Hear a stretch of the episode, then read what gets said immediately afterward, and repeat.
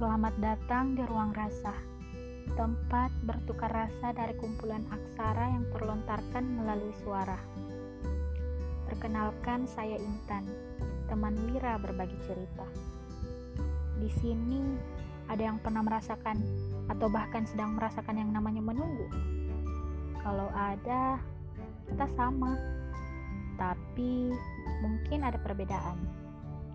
Kalau saya sedang menunggu seseorang yang hatinya masih tertinggal di masa lalu, sedangkan kalian mungkin sedang menunggu kepastian, menunggu dia putus, atau sedang menunggu undangan mantan.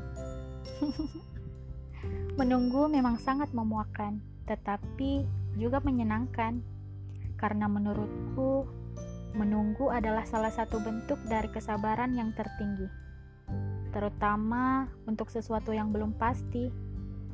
Dan juga menunggu adalah petualangan hati yang tidak butuh janji, tetapi butuh bukti.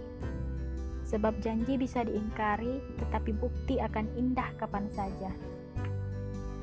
Jika Wira punya slogan "Love yourself more before trying to love someone", maka saya adalah teruslah berjuang hingga letih meski tak pernah dihargai.